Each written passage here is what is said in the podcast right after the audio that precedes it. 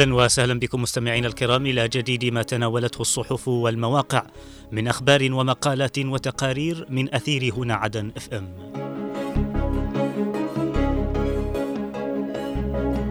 البداية من موقع المجلس الانتقالي ومنه نقرأ المجلس الانتقالي الجنوبي يصدر بيانا مهما بشأن الانتهاكات الحوثية. الهيئة الوطنية للإعلام الجنوبي تعقد اجتماعها الدوري. معهد جميل غانم ومسرح كنعان ينظمان ورشة عمل تدريبية في إعداد الممثل.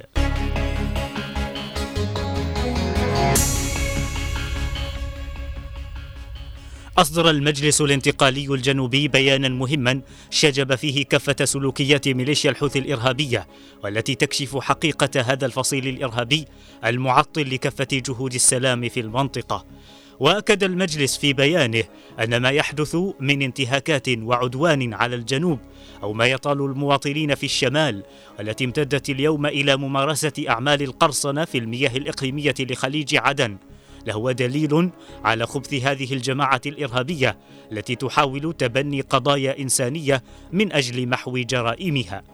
وأدان المجلس الانتقالي الجنوبي هذا السلوك الإرهابي المهدد للأمن الغذائي والمنذر بمضاعفة الأزمة الاقتصادية التي تعيشها بلادنا مؤكدا في ذات الوقت استعداده الدائم للعمل على تأمين مسار الملاحة الدولية ردع السلوك الإرهابي الحوثي. وذلك من خلال رفع جاهزية القوات البحرية الجنوبية والعمل على تطويرها بالشراكة مع دول التحالف العربي والشركاء الإقليميين والدوليين. ناقشت الهيئة الوطنية للإعلام الجنوبي خلال اجتماعها الدوري أمس برئاسة رئيس الهيئة سالم العولقي آخر المستجدات المتعلقة بنتائج زيارة الرئيس عيدروس الزبيدي إلى العاصمة السعودية الرياض مجددة موقف المجلس الانتقالي في وضع إطار خاص لقضية الجنوب منذ بداية المفاوضات كما أقرت الهيئة في اجتماعها تنفيذ لقاء مشترك مع الإعلاميين الجنوبيين في الإدارات والمراكز الإعلامية التابعة للمجلس في محافظات الجنوب ومديرياته لإيصال الرسالة الإعلامية للمجلس الانتقالي في ظل الظروف التي تمر بها قضية شعب الجنوب.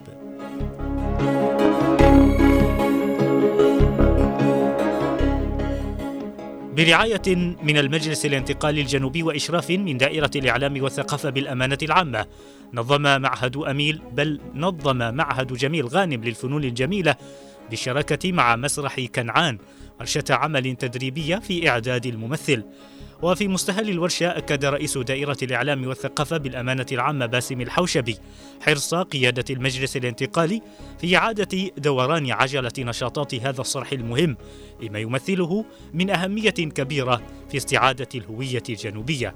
وسيتلقى المشاركون في الورشة التي تستمر مدة أسبوعين عددا من المهارات التي تسهم في تطوير الممثل كفن الإلقاء ولغة الجسد بالإضافة إلى عدد من المهارات الضرورية للممثل.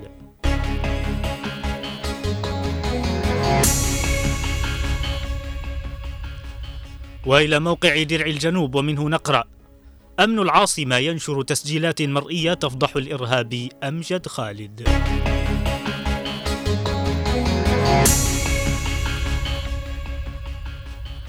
نشرت إدارة أمن العاصمة عدن تسجيلات مرئية عثر عليها بحوزة خلية إرهابية ضبطت في وقت سابق.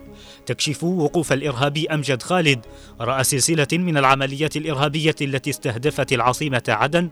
راح ضحيتها العشرات من القيادات العسكرية والأمنية والمدنية بالإضافة إلى تدمير المصالح العامة والخاصة.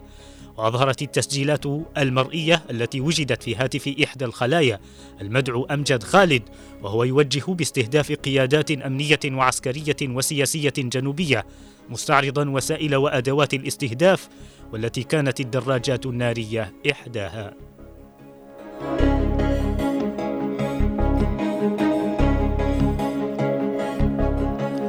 ومن درع الجنوب كذلك مستمعين نقرأ مقالا كتبه صالح شائف بعنوان الوقوف إلى جانب الانتقال بمساعدته على ثبات مواقفه حيث يفتتح الكاتب مقاله بضرورة مساندة المجلس الانتقالي الجنوبي في هذا الظرف الذي تحاك فيه كل المؤامرات ضد المجلس بهدف إسقاطه وإنهاء القضية الجنوبية.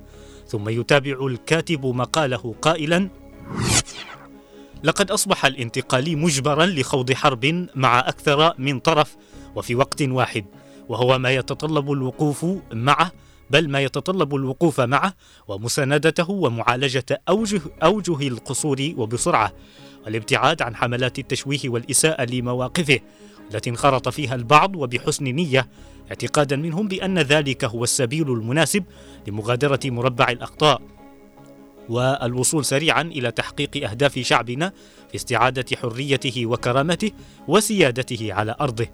ويتابع الكاتب مقاله داعيا إلى مساندة المجلس الانتقالي وعدم الإساءة له ببعض العبارات التي تخونه فيقول وكنا وما زلنا ممن يوجه النقد والتنبيه لكن بمسؤولية وطنية بعيدا عن أي حسابات ولا نبتغي غير تأمين مسيرة شعبنا الوطنية للوصول إلى بر الأمان وبأقل قدر ممكن من التضحيات وبأسرع وقت ممكن ومتاح. ويختم الكاتب مقاله قائلا إننا أمام مسؤولية وطنية وتاريخية استثنائية تتطلب منا جميعا الحرص والمسؤولية المشتركة وتقديم المصلحة العليا للجنوب على ما عداها بل على ما عداها. فما زالت معركتنا الكبرى قائمة وعلى أشدها مع من يتآمرون على قضيتنا ويمارسون كل أشكال الحرب المفتوحة ضد شعبنا ويسابقون الزمن لتحقيق هذه الغاية الشيطانية حتى أوصلوا حياة الناس في العاصمة عدن وبقية محافظات الجنوب إلى جحيم لا يطاق.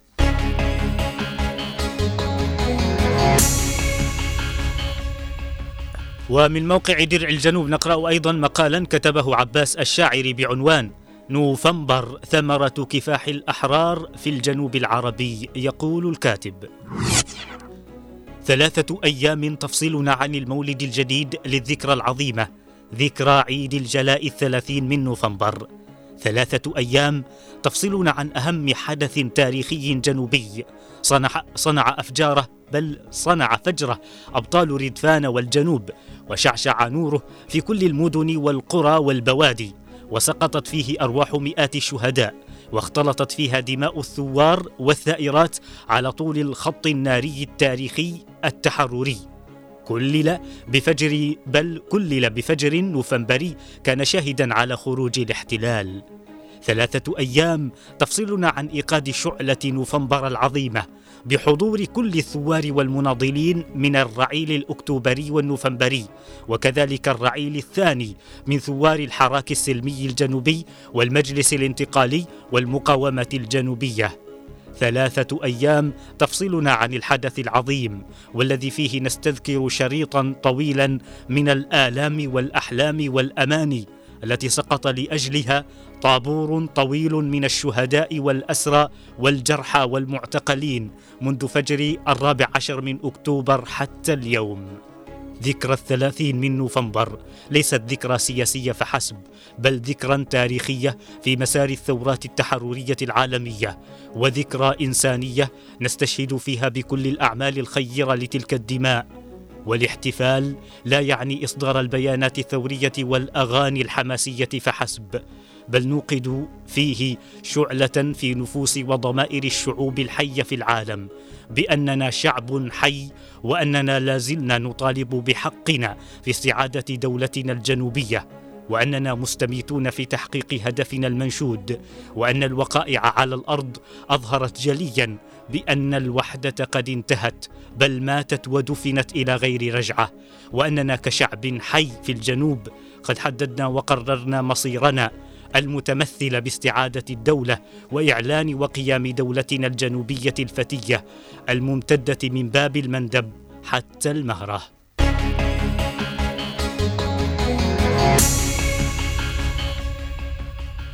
وإلى صحيفة المشهد العربي مستمعين ومنها نقرأ النقيب كشف الإرهاب ومموليه من ثمار يقظة قواتنا العسكرية والأمنية. حملة في رصد لضبط المواد الاستهلاكية منتهية الصلاحية.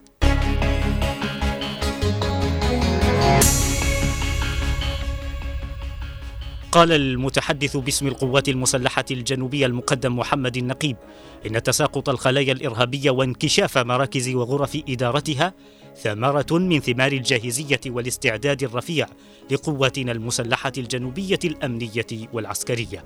وأكد النقيب في تصريحات له مساء أمس عقب ما نشرته إدارة أمن عدن من تسجيلات تفضح الارهابي أمجد خالد وتثبت تورطه في سلسلة من الجرائم الإرهابية التي استهدفت العاصمة عدن.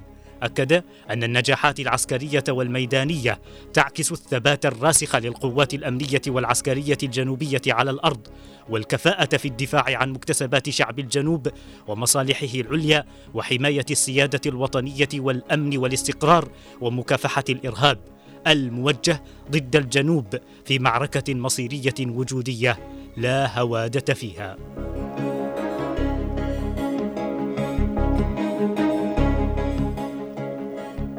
شنت الأجهزة الأمنية في مديرية رصد بمحافظة أبين أمس حملة واسعة على المحال التجارية والصيدليات والمطاعم للتفتيش على المواد الغذائية والاستهلاكية والأدوية منتهية الصلاحية وضبطت كمية منها ودعت الحملة المواطنين للوقوف معها من خلال الإبلاغ عن أي تاجر يبيع بضاعة منتهية.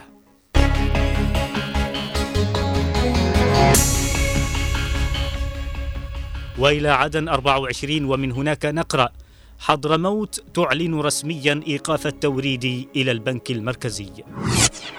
الثقلي يوجه باستكمال المباني الأمنية المتعثرة بمعسكر القوات الخاصة.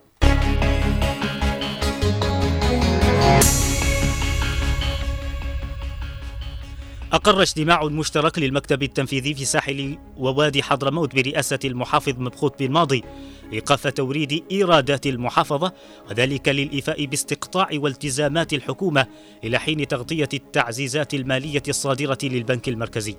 وقفت السلطة المحلية خلال اجتماعها أمس أمام أبرز التحديات والصعوبات وفي مقدمتها قطاع الكهرباء مشيرة إلى تحملها مبلغ 96 مليار ريال مقابل الإيفاء بالتزامات محروقات الكهرباء بالإضافة إلى تحملها أعباء الخدمات التي تعد من الواجبات على الحكومة. اطلع محافظ سقطرى المهندس رأفت الثقري أمس على المباني الأمنية المتعثرة بمعسكر القوات الخاصة تمهيدا لاستكمالها والاستفادة منها في تعزيز جاهزية القوات الأمنية وجه الثقلي بضرورة استكمال المباني لما تشكله من أهمية كبيرة في توفير الخدمات الأساسية للضباط والأفراد وتعزيز مستوى الانضباط في القوات الخاصة والحزام الأمني.